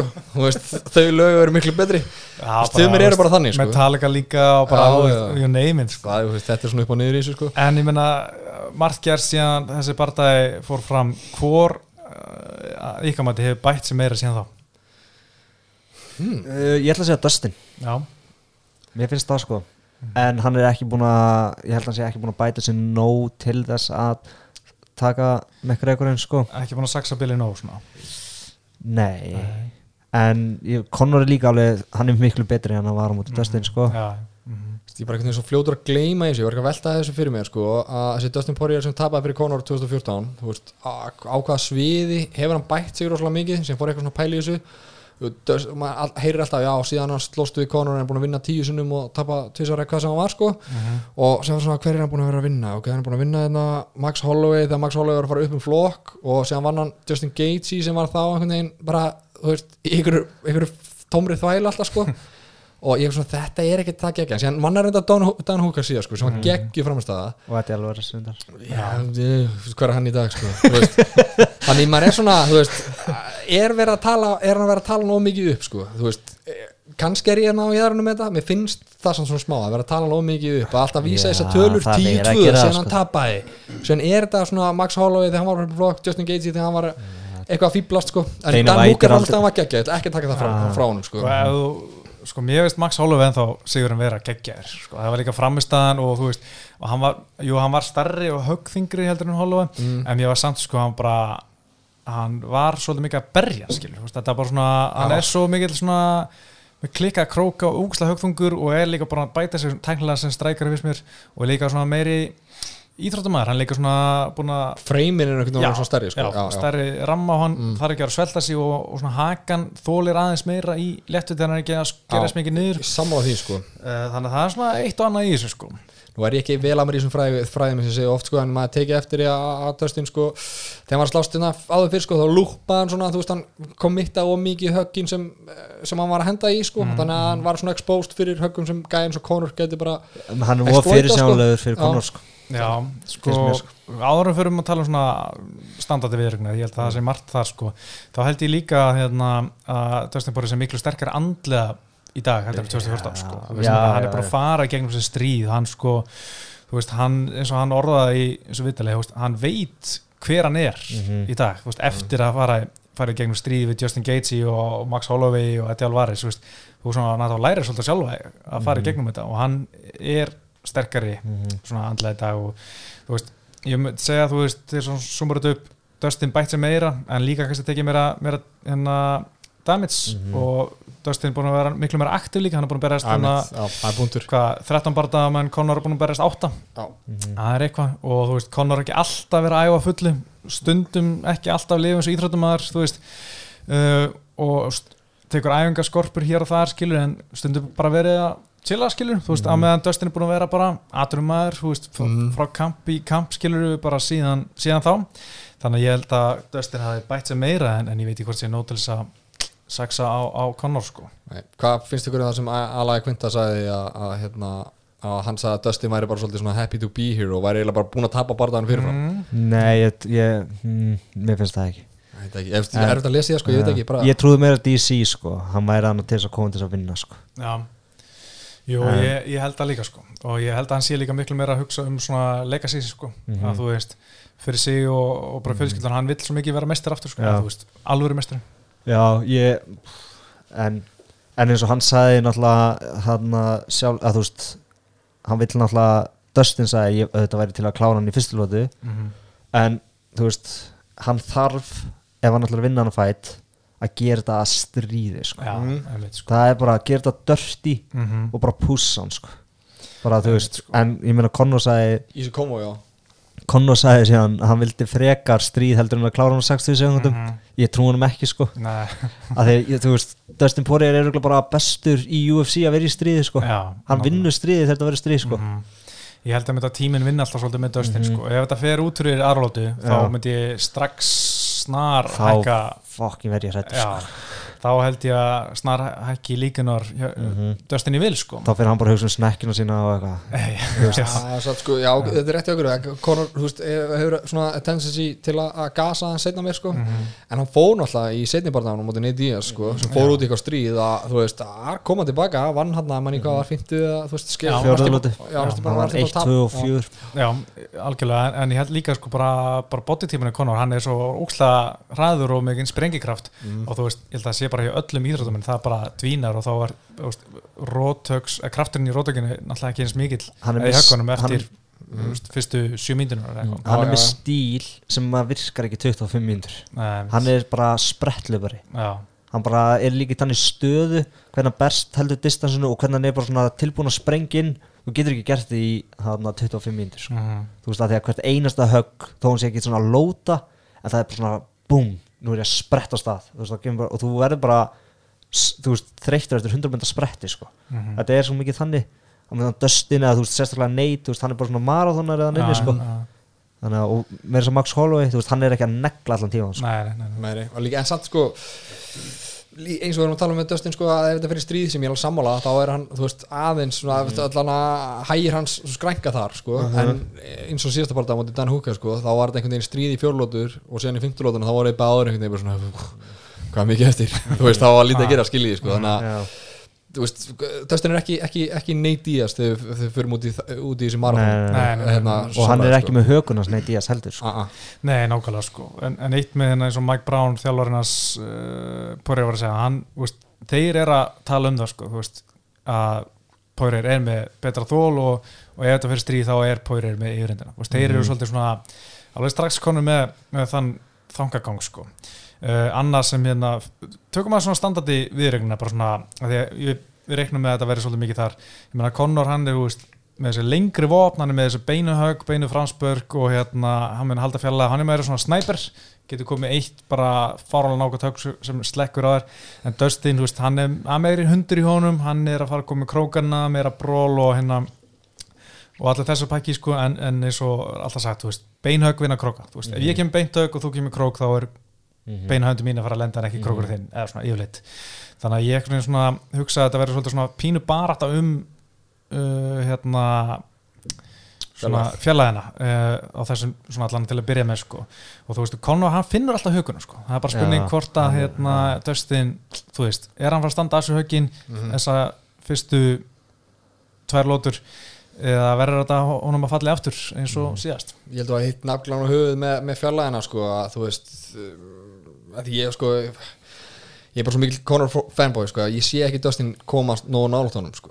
Það næri ekki að gera þetta að þessu bróli sem hann þarf að láta, að láta gera að því gefnu að- Conor sé í toppstandi og er búin að láta hérna, viskið sitt í friði sko og sé í standi til að þú veist gas ekki snemma sko. Þá held ég að, að Dustin komast ekki nálægt honum sko. Að mér finnst. Já, úf, já. Ég sko, ég held líka smá að þetta fari í smá smá bról þá er samt, þú veist, Conor er alltaf að fara að hitta inn höggum sko, Já. hann hættir ekki að hitta sko, Nei, hann er það góður sko, þú veist, og hann er hann er ekki með nú góð, góða högu til þess að fara á mótunum í 25 mínútur sko, hann er að fara að slá hann niður sko, ég bara, nein, ég get ekki séð þessu og ég sé þetta svolítið svona eins og Eddie Alvarez. Já, bara svona hann standi hann og hann kemur inn eitthvað með svolítið fyrir sig álega krók og hann bara dung dung dung, þú veist, Já. klassist svona hittir öllum högum Conor, uh, Hagans Conor er líka góð Það, er ég Já. ruglina það? Nei. nei, nei, hún er, hún er góð Nate sko. Diaz Hann er meira svona- höggum sko Já, hann eiginlega bara þegar hann, þú veist, er eitthvað tap út af einhverjum höggum, þá er það bara þegar hann er svo þreyttur Mhm. Þú veist, maður sá að hann var svo þreyttur á móti Floyd Já, og geðveitt þreyttur á móti Nate Diaz í fyrsta fætt mhm. já, Þetta er svona vangaði svona aðeins pluss hann er þreyttur, það hjálpar ekki, sko já en, en Hakan getur alltaf farið sko, en hann var droppar á móti Khabib sko, og þú veist, Já, það var magnað það var magnað og hérna, þetta er líka, þú veist, hann er búin að vera að taka, hérna hann er búin að vera að æfa og örgulega taka einhver högg þar, skilur, mm Mhm. Hakan, þú veist, hún heldst ekkert endalust, eins og Nei. kollis allt, það er eins og þess að með lít, þetta er múrvekkur og er með lítinn hamar sem er alltaf lemja smá í hann, sko, þú veist, Hakaðinn og hérna, ég meina, getur vel verið að, þú veist Dustin bara smell hitt í fyrsta lótu og bara steinrótan, ég er búin að hugsa það, sko. Já, að ég Hann verður of confident og fær Já. eitthvað svona leiðilegt högg sem hann hefði gætt að fá Mhm, einmitt, sko Haldið að, fyrir ekki, ætla að segja Nei, eitthvað nei. Nei, eh, haldið að- Dustin er að fara eitthvað með í in the golf eða Já, ég ætla að koma því eftir sko. Já, ok, Já, já. það er, hérna, En eitt svona á meðan við erum að taka, ta, taka standandi þú veist, Hvor haldið að verið fyrstu til að bakka? Hvor haldið að stjórni miðinni til að byrja með? uh, Conor Conor er allan tíma Conor. Hann mun bakka strax, sko. Það er svo getur betur sko. Já, ég held, ég held meira sko að við ættum að sjá svolítið hérna, endurtekningu á hérna kábóibötan sko, að Conor eftir að hlaupa þinn í miðunum Já. sko, að Já, því ég mér, vona hann geri það mér finnst eins og hann ber ekki nóg miklu virðingu. Fyrir veist- mér fannst hann bara, þú veist, þú veist hann, hann hjólaði bara í, í, í kábóin sem var þetta einhver pizzasendill sko, Já. sem hann ætlaði að berja í klessu sko. ég, mér finnst þess að, mér hefði á tilfinningu að það eftir að gera státtur sko. já, já, getur verið Eitt sem ég væri til að sjá Dustin gera það er að sparka, ég meina við hefum ekki séð marga að er að bomba í lappina á Conor uh, Eddie Alvarez gera aðeins. Dustin var eitthvað aðeins að reyna en svo bara náttúrulega var hann tekinni í bakari. Ég hugsa að, veist, að hann geti klála gert þetta, sáum að Dustin vera aðeins að sparka í Dan Hooker í sumar þegar það mættist að ég hugsa að hérna, það væri nú Hann já. gott, góð taktík sko, Hann reyndi aðeins í fyrsta fætt Mhm. hann, var- hann var svo, hann fann svo óþægilt að sparka hann þegar hann var með svo skrítið distans sem hann var ekkert vanur mm, hann var svo okkur þegar hann byrjaði að sparka já, já, fannst mér allan sko. já, já. Ég kaupi það sko uh, svo það sem er eitt sem Dustin gerir mjög vel hann tekur svona shift punch, hann er að skipta um fótastuðu, þú veist, þegar hann kemur með höggið, veist, yfir, það er bara, það er ástæðan okkur að vann Max Holloway sko. já, já það bara tók Max Holloway út af læn sko. Það, það er svona draf taktinans já, ég skilji, en heldur að, veist, að það tekur náttúrulega smá tíma að, veist, Mhm. að koma Hann- heldur að Conor sé að fara að counter þetta? Já, já, ég er náttúrulega að pæla þetta hann er alltaf fyrir sjálfu já, já, ég held það sko. Tekur, já, tekur alltaf smá tíma og Mhm. koma þetta högg sko. en hérna, svo núna bara svona uh, wrestlingi, sko, ég er nefnilega veltið fyrir mig hvort að Dustin bara fara að skjóti fellur, ekkert endilega alltaf til þess að ná hann niður, bara til þess að þreita sérstaklega til að byrja með, svona taka uh, svona springið úr, úr hérna, sporunum hjónum og þá fyrir hann líka bara að þá geta hann lendi í þessu sem hann lendi á móti Khabib þú veist, heldur að sé að koma teita Já. hann setur hendurinn niður og búm mm. já, ég get alveg séð það gerast og við höfum líka séð Dustin, hann er með drullu gott gilutín og Darsið, sko, hann var að hengja menn hægri vinstri með Darsið í, í fjáröftinni þegar hann var að koma upp hann fyrst, sko. Þannig að mér fannst það að vera hérna, virkilega svona ég myndi allan að vera búin að glíma eitthvað ef ég væri konur Já. Gilbert Burns, okkar maður sagði nú að, að, að hérna Jiu-Jitsu hans, Conor væri mjög underrated. Já, þannig að þú veist, það er margir að, þú veist, það er örugglega fullt af fólk sem heldur að þú veist, það, hann myndi ekki vita hvað hann var að gera í gólunum sko, Nei, það sko. er örugglega ekki þannig sko. Já. Ekki, sko. hann fekk brúnabelti sitt hann, eftir rótökjum átti Dustin. Já. ætlar hann fá- svarta núna ef hann vinnur? Oh my god, hann mun potti að gefa hann það. Já, shit, hann, vann, hann róta Dustin fær Já. brúnbelti fyrir að róta einhvern já, og hann uh, hann er eftir að róta núna og Conor, nei, John að gefa hann svarta beltið. Já, 100 p. Og allir eitthvað, ha, ha, hvernig er hann með svarta beltið? Já, einmitt hann er, ég hef glýmt við hann oft hann er góður sko. Já, mitt sko. Og maður hefur alveg séð hann móti Gunnar líka að veist. Gunni er miklu betri en veist, Mhm. hann er fucking góður að glíma sko, hann er bara svo miklu betri strækjar Já, nákvæmlega sko.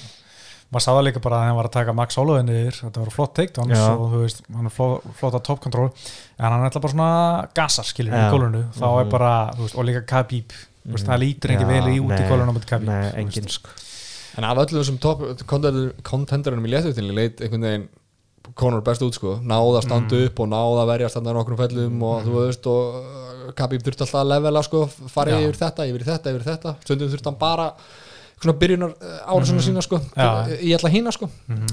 og hérna Javier Mendes, þjálfarinn af Khabib hann talar ennþá um Conor sem er erfasta mattsipu fyrir, fyrir Khabib sko. Mm. Þannig að Já, ég er alveg að vera seldur á rímat sko, alveg að koma sko, en, en ég það, uh, eitt sko sem ég er svona að pæla, er Conor ennþá jafn góður og við, þú veist, erum að tala um, við erum ennþá svolítið að tala um Conor sem bara 2017 Conor sem rústaði Eddie Alvarez, þú veist, síðan þá, þú veist, það eru þrjú ár síðan, ég var á 2017 á móti Eddie, nei, 2016, já, 2016, vá, 20 land síðan. Já.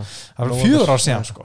og hérna og úst, hann er 32 ára, ekki alltaf verið eins og sagði ég á hann lífans íþróttumæður, Mm. þú veist, er hraðin ennþá mikill, er nákvæmnin ennþá til staðar, skilur, er ennþá í heimsklassa með úst, sín, úst, með allt sitt í dag, þessin er ég svona spennt fyrir þessu fætt mm. veist, ekki að því að hann er búin að vera eitthvað öskanandi á okkur blagamannfundum, mm. að því ég vil svo mikið sjá hvort hann sé með þetta ennþá sko. og þú veist, hann er ekkit gamall, hann er 32 sko. Nei, nákvæmlega sko, já Þú veist, hann er í, þú veist, í præminu þannig að sé sko Algjörlega. uh, og þú veist, þetta er rétt að segja, svo hann er ekki að slást núna undanfarið, þú veist, svo æfing er, er fjárverandi en, en það er einhver sem hefur alla burði til þess að halda sér í einhver svona topnum, sko, þú veist, þá er það hann, sko, hann er með að, þú veist, allt þetta baka sig og alla þessa peninga til að geta haldið sér á topnum, sko, hann er ekki að fara heim í bílskurinn að að slá í púða eða lifta, sko. Nei, hann sagði það líka fyrir Cerrone hann vildi gera þetta sama og hann, þegar hann heyrði að Lebron James hvað hann trítar hvað hann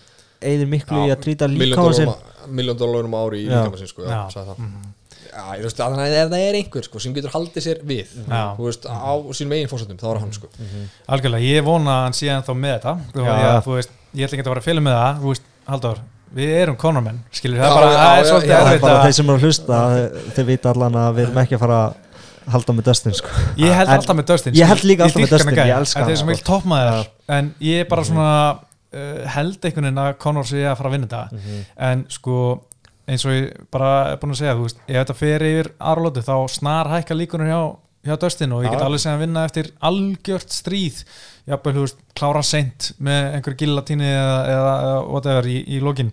En ég hugsa ég, ég tippa á bara annar rótök, bara svona seint í fyrsta lóti, þetta er svona fjóra myndur alveg í fyrsta lóti Já, ég er á, ég er á 60 sekundunum sko og líka bara Já. eitt í þessu að þú veist, einhvern veginn allt sem er undan að gengi þá er allir eitthvað svona, hvað heldur upp á konnur þetta er alveg trúður sko, eitthvað þetta sko ég þólið ekki, eh, þú veist eh, það er bara betra fyrir þetta sport sem við elskum öll sko, þegar hann er on og hann er góður sko, þú veist, það er elevita sportið sko. Það er gaman, þú veist, og mér veist ekkert eins þú veist, það er náttúrulega skemmtilegast þegar Íslandingar er að berast, en líka þegar Conor er að berast það er ekkert eins skemmtilegt eins og það sko, Nei. og hérna og þó að hann sé algjör fáiði, bara mjög oft, þú veist, það er bara alveg margt sem er gert sem við er bara Jésús minn almættur og, og Já, allar, allar ásakanunar sem er ekki hundsvitum hvað var að gerast og, og hvernig hann lætur og, og allt þetta það er samt alltaf ógeðslega gaman að horfa á hann berjast Já. og í einhvern veginn held ég alltaf með hann því þegar hann er komin í búrið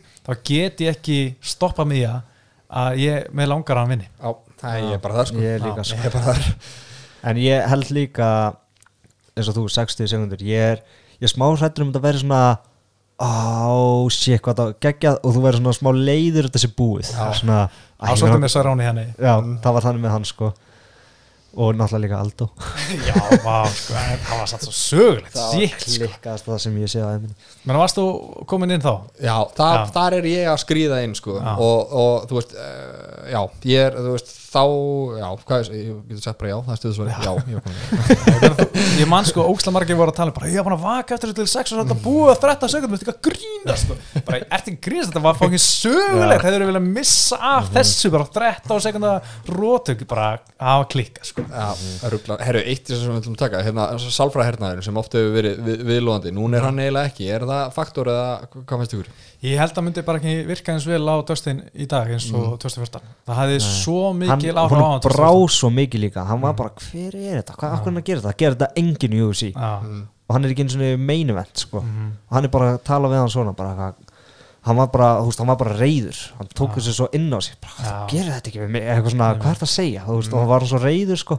En hún að vita allir hver þetta er og þú veist hvað, þú veist, þetta gerir hann þetta og eitthvað. En eins og John Cowna sagði samt, þú veist hann er búin að rota þig, sko. Það mun, það, þú veist, þú getur verið með hvaða íþróttasálfræðing sem er, þú munt alltaf vita að þú fyrir að sofa fyrir fætin að þessi guður rota þig einu sinni. Ég held Já. sér Sagði rétt, það. Það er mjög góð punktur. þannig að hann þarf ekki að gera það sko. Nei, nei, það er búin að þér að uh, svo er annað bara hérna, fyrsta uh, bara svona, nú randapuntar uh, Dustin, uh, hann var 83 kíló í búrunu gegn Dan Hooker í sumar. Shit, hann viktar sinn 70 kíló á fyrstæði 83 kíló den eftir damn. Það er official tala frá Nevada bara, Vá. það er rosalega mikið sko. og þetta er gæði þessi sem var í fjæður sko, 66 kíló. Þykk sko. hann með alveg ramma sko. Já, hann það er mestu velterveit, að þú skilur þú maður maður verður ekkert eitthvað reyður út í að, að, þú veist, að maður var að sjá svona ramma í, í, í velti sko. Þetta er millivitt að tala 83, eitthvað kíló. Jesus Christ 83 já. Já, það er rosalegt hann skipar yfir veltegið bara. Mhm. Uh, mér varst líka áhverð það sem Dustin var að segja þetta snýst ekki um hemd hann vill bara vera Já. hann er, það er svo mikið að tala um þetta sé hemd og þú veist, þetta var náttúrulega ógeðsla sárt tap sín tíma. En að ég var að sjá eitthvað viðtal við hann það sem að þú veist, bara frá 2014 eftir hennar bara og til bara næsti ennþá í dag er ennþá koma svona nýju blaðamenn eitthvað svona gæra svo við sem bara er algjörn nónum svo vilja fá eitthvað headline eitthvað fyrirsök bara, hvernig var að Benist við Connor og hérna var að spurður þessu eiginlega hverju einasta viðtali þú veist, Mm. ef hann var ekki hjá einhver sem var búin að vera hjá áður þú veist. það vildu allir vita þetta þú veist, Mm. bara við, tala um þennan bara hann þurfti alltaf að tala um þetta aftur og aftur og þú veist, þetta var sárt að þú eru alltaf að tala um þetta, þetta var líka þú veist ógeðslega niðurlegandi fyrir hann að því hann bara, þessi gæi er búin að ríða kjætt við því í einhverja vikur ég ætla að fara að buffa hann, en nei, ég var buffaður og þú veist, Mm. fyrir framann miljón manns Þú veist, það tók alveg á, á sáluna hjá okkar allra besta Poirier það sko. var líka svo sem Bjarki segja, hann tók það inn á sig sko bara Já. hver, hver í hann sko, hvað, hvað gaur er þetta og ég ætla, þú veist, já en Já. eitt meina sálfræði hérna sem ég vil langar að koma að sko, það, það er allir sem segja sko, að það sé bara 50% af geiminu hans Conor sko mm. bara hafa búin að vinna hérna Hosea Aldo lungu fyrir bardaðan og einu sem þú þurft að gera var að hann, sko rólegir á það sko. Það er Ah, kannski 5% finnst mér sko. Ég held að þetta hafi spilað svona 15% ég ætla ekki að það. Já. Veist, að því að hann var að vaða inn. Já, Þannig ok, hann hefði já. ekki vaðið svona rosalega mikið inn held ég ef hann hefði ekki verið svona trilltur í Já, skap þú veist að ég er að sjá einhverju orðaði núna eitthvað, núna er þessi sálfræði hernaður ekki þannig að Conor er bara hálfur ég er veist, sko, róli er á það sko. Alveg, þú veist, ég menna, já, já. Herði, á er, ég var að henda í hérna. Þú ert með undir 60 sek. Já, Já, ég held þetta að vera of stutt sko. Já, það er óstuðt, ég ætla að segja eftir fjóra myndur rúmar í fyrsta löti Gekkjaði bara það, uh, ég er ótrúlega spenntur og þetta, sko, meinkarti byrja þrjú hana konar, þetta er því búrið hálf 5-5, á prime time. Prime time Ah. mér Og það það verður sjö morgun held ég Abu Dhabi. Það verður á morgun er að í Abu Dhabi Já, ég að meina það já, já. Já, það verður eitthvað skrítið En sko Er fólk af 2000 manns að mæta bara 7am Já, bara nákvæmlega, ég var ekki búin að hugsa Það er áriðt Já, áhendur að mæta hana Fuck. Talað um það, sáðum gæinn þegar Conor var lappinn, sáðum myndbandið hérna, gæ, Embedded? Já, þegar hann var lappinn og var eitthvað gæinn fyrir utan Reyn og rinda hás Fætingan enna hallakta Sjá, bara bara ykkur arabísku Það er besta intro sem ég æfinni síðan. Hann var líka þegar Kabi bara berjast Hann var síðast að fæta land líka. Þetta er eitthvað gæi, bara einhver, einhver laga, lagasnarsmaður hann á hótelinu sem bara tekur þetta að sér að hæpa gæðinu þegar þið komin á hótelinu Ég peppast upp þetta, Já. ég bara, damn. Minn maður hann Já, en uh, komin eventi Michael Chandler Danhúker, það er líka mikil mikilvæg bara mikið undir og sérstaklega fyrst mér fyrir Michael Chandler. Hann var orðinn 34, Mhm. einhvern veginn nú að aldrei hann ætlar að vera UFC champ. Og svona áðurum sko ég er nefnilega pínu komin á þinnvagbergi að ég er ekki bjarsitt fyrir hans hönd. Því að svona ég fyrir að hugsa mörg svona sæning sem koma frá Bellator eða Ryzen eða Pride á sín tíma svona hafa oft byrjað illa eða floppað. Ég manna Eddie Alvarez, hann byrjaði á að tapa fyrir Donald Cerrone, Mhm. einmitt á UFC 178 hann geggjað alveg kart. Já, uh, Gilbert Melendez, hann floppaði algjörlega í UFC eftir að vera strækvarsmestari lengi. Hector Lombard, það er mesta pulsa sem hefur UFC keft hann var svo bara Bellator kóngurinn sko. Var sko. ég, ég var skítrættu við hann sko. bara ógeðslega intenskæði fáralega massa, rótandi alla líka Ólimpí farið jútó og ég held að hann er einhver svakalur gæi í UFC, hann gæti ekki neitt, hann vann held í tvo barða og svo tapaði hann sex í röð ára hann var látið að fara það var slæmt. uh, Ben Askren, Minn maður. Það var ekki góð, uh, gott sæning þar uh, góð, mér fannst að gera fullt af góðum hlutum já, fyrir já, þessu. gerði það sko, En veist, inn í uh, við tölum um bara það. Já, Uh, Will Brooks, hann var komið inn sem Bellator meistari, hafi verið þar. Ég held hann er eitthvað player í, í, í léttvættinni í UFC heldur betur ekki og hann var bara skeita á sig og er farin í PFL núna og það sem hann er ekki einu svona bestur sko þannig að það var flopp og svo fannst mér líka en að Keti Yamamoto, hann kom seint þú veist, margir að koma seint Gilbert Melendez Mhm. líka og Keti Yamamoto, þú veist, en Chandler 34, er hann að koma seint í finnst þetta það að koma seint sko. Já, ég hugsa það svolítið ég, En þú veist, ég fíla hann í tætlur Og hann ég held Við erum líka alltaf bara persónlega vinnir, eða ekki? Jú, ég mér eins og Hann skoðaði nokkuð sem stóriði mitt Það ég gleymist. Og bæ, heyru Gleymum því Hann að Rob Font svaraði Já, Nei, að hann, ok. hann að gerði bara svona hvað það segja það núna? ég, ég glemdi hann að hann svaraði svona, svona þremu vikum hann svaraði bara fyrir svona tveimu dögum Ok, og við sendum þú veist hvað í áramáttatættinum já, já. desember já. og hann að, já ég var auðvitað aðeins í glasi þá aðeins í búm það er að, en já, hann sendi eitthvað svona bara svona, eitthvað svona kall svona, þú veist, svona hnefan eða eitthvað svona, þú veist. Og það er bara eins, svona, eins lítið og getur gert. Mhm. hann bara gert. Já, já, Það hætti allan ekki þumalinn, það hætti mjög Það er okkar maður. alltaf minn maður, Já. uppáhaldfættur minn. En ég man ekki hvað ég ætlaði að segja með já, já, Chandlerinn. Mhm. Jú, þú veist, ég vona svo, ég held smá upp á hann sko, en Hooker er sko 1.83 og Chandler er 1.73 og hann er líka með 10 cm rits á hann. Mm.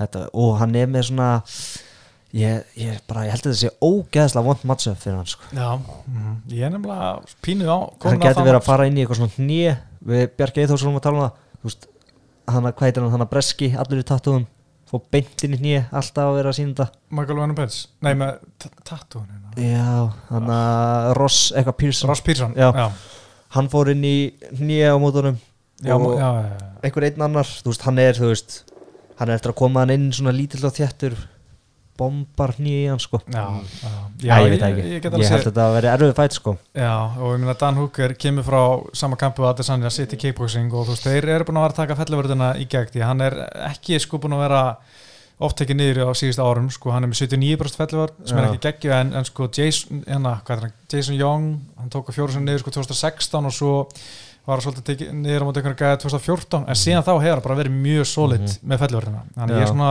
Rota náttúrulega Burns Já, Gilbert hann hann Mm, einmitt, sko. Hann er með power sko. mm en ég er að vera svona pínu smeykum fyrir hönd Chandler sko. Ég líka, sko. Já, ég var með eitt punkt eitt punkt skrifað niður hérna og það var þetta sem Bjarki voru koma inn á það var þessi starðamunur sko. Að, hérna, þú veist, þetta er svolítið mikið sko. Já, en ég held með Chandler í þessum uh, barda að því þú veist það er eitthvað svona ekstra í kringum hann, það er eitthvað svona sögulína í kringum Já, hann, ég hann koma- já, hann ég held líka með hann er að koma yfir og það er það sem ég mig inn í þetta sport sko. og ég bara fíla ekki húkar mér finnst það bara að vera eitthvað svona gatekeeper og hann má Já. vera að nú með 5-6 og eitthvað svona og veist, ég bara, ég fer eitthvað í töðunum mér, ég veit ekki okkur sko. hann, fer líka, hann er fann að fara í töðun og mér í viðtölum mér fannst hann ekki vinna Paul Felder sko.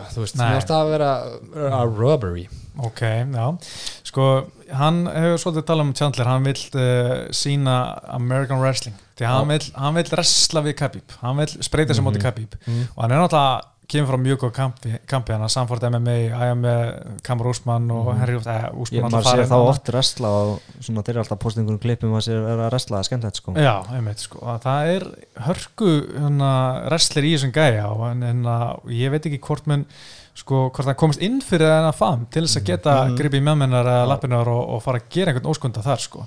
ég er svolítið spenntið fyrir að sjá það en ég ætla bara að henda í Chandler Decision í svona pínu vombrið á, damn. Ég ætla að henda í Decision Hooker. En þegar þú fórst að tala um þetta wrestling Það væri nú aldrei gaman að sjá hann á móti Habib Habib Já, hann er samt eins og eitt, í- eitt í þessu bildafi fyrir hennar bardaða sem var að sjá hérna Chandler. Svona spyrir út í hennar bardaða hvernig hann er að spila uh, keppa á þessu Conor-karti og hérna húker og fyrst í bardaðan yfir sig hann alltaf, fer alltaf bara beint í að tala um Khabib. Og bara, bara hjóla alltaf bara beint í. Khabib. Já, ég var nú gaman að sína, eins og þú varst að segja hann hann var að sína hérna American Wrestling á móti Khabib sko. búin að sjá það nú í einhverjum þrem viðtölum í röð hann spurur eitthvað spurningu og hann svona, já, hummar það eitthvað á sér og segja bara, já, Khabib, sko ég, hérna, við ættum kannski að mætast, sko sem er alveg skrítið, sko já það er já, góð búndi sko uh, hva, Hvað er spáin? Já. uh, Ég segi Decision Hookerinn sko Já. ég er decision já, ég held Já, að ok, ég, ég held að ég var að fara að koma eitthvað surprise pickina en alltaf. Herði, eh, næsti barndagi, við ætlum að skauta hrætti við restina. Jessica I, Joan Calderwood.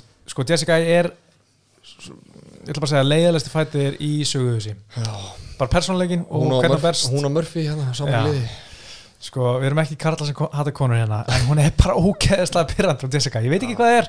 Hún er bara svona næsti, bara svona, hún er bara svona mikið krins og, og ég er náttúrulega mikill Jojo maður og ég trú ekki öðrun að Jojo vinni núna.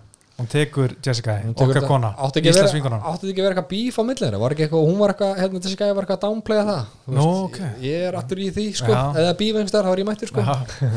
Og, að ég veit ekki. Já, við höldum með Jojo.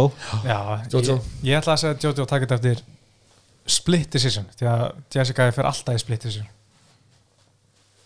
Já, ég held að Jojo tafi sko. Já, ok. Jojo TKO. Heyrðu það fyrst hér? Baby.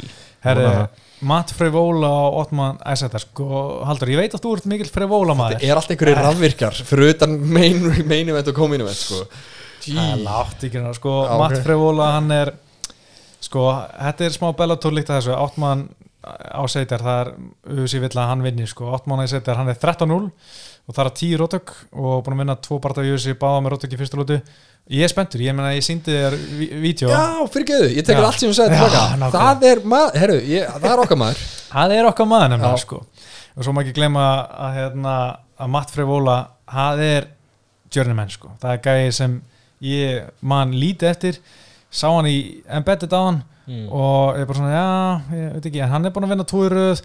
En sko gerir jættöfli við Lando Vanata lit Pólo Reis róta sig í janúar 2018 þetta er Ottman setar með rótöki fyrsta lútu ég ætla bara að segja það. Ájö, bara snemma, sko. Já, uh, sko, svo kemur mín kona. Herru, jú, þín kona er hérna líka. Amanda Ribas. Og þú veist, þessi kona er með sko, svartbelti í judo og jutsu og er búin að vera geggju í auðvisi hún er búin að vinna alla fjóra, fjóra barndana klára tvoðara, saman síðast uh, pakka Peyton Sand saman í sumar og líka búin að vinna Mackenzie Dörn eftir decision, það sem þú síndi eftir dómarakonu segi, síndi flott strekking þar og ég er seldur á hún sé að fara gera mjög góð hluti í hérna auðvisi og en anstæðingurinn er Marina Rodríguez ég horfði á hann aðan, hún er góð sko. Hún tapaði sér eftir Karla Espars eftir klopna dómarokun, hann og margi sem tapaði fyrir henni eftir svona klopna dómarokun, dómarokun í mjög leðilegum barða, svo gerir jættibli hann að Cynthia Calvillo sko en uh, búin að vinna Tísa Torres og Jessica Aguilar. Og ég held að Rýpas vinni þetta bara eftir dómarokun svona nokkuð öruglega, ég er mikill uh, sko Horfið Sandra Rodríguez, hún er nokkuð góður hendur, snappi, þú veist svona ágætt hraði og ég held að þetta verði góðu bardagi en, en uh, Rýpas vinnur álögum. Þetta er RNC, Jannar lótið á mig. Já, Á Rýbas, Á á Rýbas, á Rýbas Já, ég er sammála Pétri sko. Já. Svo er sko gæi sem Arman Sarukian, þetta er geggjaður gæi, ágríns, hann er geggjaður, uh, hann er frá móti hérna Nasrat Hakparast sem gæi sem lítur út alveg svo Kjellum Gastelum hann var rótaður á síðasta Conor-karti af Drew Dobbers í janúar. Uh, þetta er í léttvitt, þetta er frábápartæ ángriðs, ég er að segja ykkur fylgist í velmið sko? Mm. uh, svo er annar, svo er hann Julian Penja Sara McMahon, það verður ágættispartæ báðar valda mér alltaf umbröðum uh, Brad Tavares Antonio Carlos Jr. eða Shoeface. Mér finnst það fýtt partæ líka. Ég er spenntið fyrir að sjá hvað gerist þar. Uh, Khalil Roundtree er að fara að róta Marcin Pransino því að Marcin Pransino er búin að tapa uh, hérna, öllum þeirra með barndagsinum í USA og alla eftir rótök alla í fyrsta lótu ah. og Khalil er að fara kassa einn þessi áhersun með einu rótöki í fyrstu lótu og svo er gæði hana sem ég er spenntur. Ég man eftir hann í köpinn Mahmoud Muradov gæði frá sko sko ég veit ekki eins og hvaða land þetta er. Þetta er Úsbyggistan hann er 24-6 og hann vann hérna nefnilega okkar mann Alessio Di Chirico í köpinn í hérna að Gunni var þar. Já, og hann var óslega mikið að æfa á hérna í gimminu á hótelinu e- á sama tíma Gunni. Þannig að ég sá hann ofta á Pötsunum hann er drulli góður sko, mjög góður strækir og hérna og hann er í Team Floyd Mayweather Mayweather er að representa hann. Er hann í Money Team? já, Damn. Ok, Hann það er okkar maður. Já. Heru, Ég held með honum. Já ég er spenntur að Ég sjá, líka. sjá hvað hann gerir sko. Og hérna ég mælu með að tjekka það sem svo er hérna Nær Roundtree vikt eða? já, já, Já, ok. Sjálfsög, ekkert mál. Uh, já, hann að ég sko mælu með að bara byrja strax á fyrsta fætt. Ekki vera að horfa á mynd með konunni en- eða neitt annir sko. Nei. það er bara að byrja strax klukkan uh, ég er alveg að koma með það Prílims 12, eða ekki? Nei, veit ekki. 1 eða? Prílims 1 Mengar byrjað þrjú já, já örgulega hérna Já, ég var í rauðvínu með strákunum og svona maður. já, alltaf að horfa í byrni já. Já, fáum okkur klukkan 1 Irish Coffee til að halda okkur vakandi Sko, svona. nei, early prílims byrjar klokka kortir yfir öllu þannig að Já, það meikar sens. Early prílims og, og síðan prílims klokkan 1 Já, og svo að meinkart klukkan þrjú að sjálfsögja byrna á Viaplay þar verður ég að segja einhver orð en þannig að ég er bara mjög spenntur fyrir að hendi þessu veislu. En svona rétt uh, að rappa þetta upp það er auðvitað núna miðvikudaginn á morgun, Á morgun. í kvöld þegar flestir er að hlusta eitthvað sí það er Kiesa og Neil Magni. Sko, fyrsti fættar byrja klukkan tvö. Ég veit ekki hversu margir var að horfa á þetta í bandarækjum allana, þú veist, þessum tíma. Mm, En ég kvart ekki, mainkart byrja 5 og í beinna á Viaplay ég, ég er mjög spenntur. Sko, prílims er, sko, ég var að fara að segja að það væri bara pizzasendlar og röfvirkir fyrir utan meinuvendið á þessu kaldi en ég sé, hérna, við erum með hérna, Mason Jones sem var að koma yfir frá hérna, Brellandi við, já, við erum með Ricky Simone á prílims og við erum með Omari Akhmedov. Það eru alltaf hana, sko, það er einhverjir gæðar þarna sem á aðeins kíkja á, sko, sko, það er Tom Breeze, Íslandsvinnurinn knái Umar Nurmagomedov er ekki hérna frændans eða? Hann á svo marga frændi, ég er alveg búin að missa Já, tölum það er alltaf, hann er að fara að kornera einhvern frændansinn sko. já, já, já, já, hann er að fara að vera með Kapi vera með á þessum Umar. Já. en hérna Tom Breeze á móti Ómar á Ahmedov, þetta er náttúrulega gæði sem Gunni búin að vinna, ég veit ekki hvort að Gunni hafa eitthvað að vera að tala við Tom Breeze, verður hann bara það lítur að senda hann, verður passa á krókunum eða eitthvað? Nei, hann veit ekki að þessu sko. Nei. Æjæjæjæ En hérna uh, Já, og ég er mjög spenntur að sjá hvað Tom Breeze gerir því að ég er alltaf ég er svo vill Tom Breeze maður sko. Já, hann er geggjaður. Hann er strækir sko. Hann alltaf pakkaði saman hann að gæja í oktober í mann eftir í Kabe Búlar Mér sleiði það sem að prílis, mér langar að lýsa bara annars Mm. En uh, í, Múni Lassis gæja líka sem er að fylgjast með hann í kóminu veit á móti Varley Alves. Tjekkja á honum, þetta er gæja sem er eitra strekkar En við ætlum að segja þetta gott? Já, uh, það ekki á, en, en það er eitt sem ég er að glema Já. það er Logan hodni Ég nei, var hvað að- Paul hodni Ég var á svo mikið á orðsins sem voru búin að gleyma þessu sko. Ekki séns. Ekki að ræða það. Hvað er að frétta? Herðu, hann að fyrst við voru að tala um þetta á hann og ég fór þá inn á Instagram með hans Logan Pauls, nei Jake Pauls. Og fór að checka hvort að hann sé eitthvað, þú veist. Fyrst að ég er hann að þetta hann að YouTube horn Mhm. hann, að- hann er búin að vera að posta ykkur sko hann er búin að vera að gera einhver svona vídeo sko, svona einhverja eins og einhver svona, þú veist, hann er að leika Connor og leika Dana White og þú veist, og skilur ekkert af hverju að Connor vill ekki berjast við sig að því að hann er að fara að fá 5 miljóð dólarar fyrir þennan fætt en hann fær 50 og fyrir á móti mér. Mitt og hann hefur aldrei fengið svona hann hefur aldrei fengið búið upp á 50 miljónir fekk svona 100 á móti Já, hann Og- er ekki, ekki snelli reikningi að- Nei, Nei. og hann er bara eitthvað svona og segja, þú veist, var hann á hann að pötsum að hann og hann að, þú veist hann var bara að kýla eins og bara einhver strákur að kýla í patsa, sko Já, þú veist, þetta var bara, jú, jú, þú veist, hann er að efa box, Já. Rúbidú já, en hann að, já, ég uh, þú veist, ég er bara smá pyrraðar, ég sem settir í þetta hot Þú ert að gleyma einu Það er tilkynning á morgun, eða ekki? Er það ekki það? Jú, herruðu, jú, hann er, að, hann er að kýla í patsa og lappa sig hann upp að mynda hann og segja eitthvað announcement tomorrow og það stendur eitthvað svona announcement Já, herru, Pétur, ég skal skrifa frétt um það þegar það kemur. Nei, please. Í- Á, á annað fréttir. Þú mátt skrifa hana en ég veit ekki hvort ég byrt hana. Ég íti bara publish og segir ekki því Það er banna sko, ég vil ekki hafa þetta sko. Ég er mjög leiður núna að vera í þessu hotni sko. Nei, nei, þetta er þetta er frábært það Þetta er virtasti liður hérna dabarsins Er það ekki? Ég held að flesti sé að hlusta að spóla bara hvenær Já, er já. Það var bara Jake ekki miklu Paul að hornið. móða núna. Við hefum þetta að taka þetta setna þegar hann er búin að koma í tilkynninguna. Já, mitt Herru, talandi um að hlusta hann að var gæi að hlusta á kom mín og sagði, djöðu þetta er skemmtilegt ég var að hlusta á okkur hann Já, og þetta var ekki bara einhver sko. Þetta var legend in the game. Nei. Rob Font? Nei, ekki svo gott, já, hann var bara eitthvað með einhver translator. Hann að Árni úr í Árni. Já, Já, Get in. Bara- Sjáttu hann. ándjók sjátt þetta hans já, legendi, OG mm Já, Það er uh, gæði sem margir gleyma en hann Mhm. er átti frábæna fyrir Geggjaður hérna, geggjaður þjálfari já, Geggjaður sko hann er tómaður tómaður og hérna þú veist, með smá hefni hefði hann verið í auðvitað undan Gunnar sko. mm það er svolítið hann stutt á milli í þessu já, meðsli og, allar pakkin en uh, gaman að hann sé að hlusta án Mhm. annað. Ó. Já. Geggja sko og það er allir blóma núna það er íþróttur aftur leðar Já. og sko við erum að fara að hendi glímumót bráðum það er bara það verður online stream, stream og, og, veist og- það, verður, það verður geggjum matchup ég lofa okkur því. Og það kemur allt nánar síðar, fréttir um það. Góðu tísir já, það ekki. Mm. uh, eitthvað, eitthvað, eitthvað, einhver frétt sem þú vilt koma á framfæri? Nei, ég Nei, ég er ekki með neitt klárt Þannig að ég segi bara nei. Já, Bjarki, þú ert sattu með þáttinn í dag? Já, mjög. Herri, við ætlum að segja þetta gott, ég heiti Pétur. Þetta er Aldur Bjarki. Og þökkum áhrðin í dag og verið sæl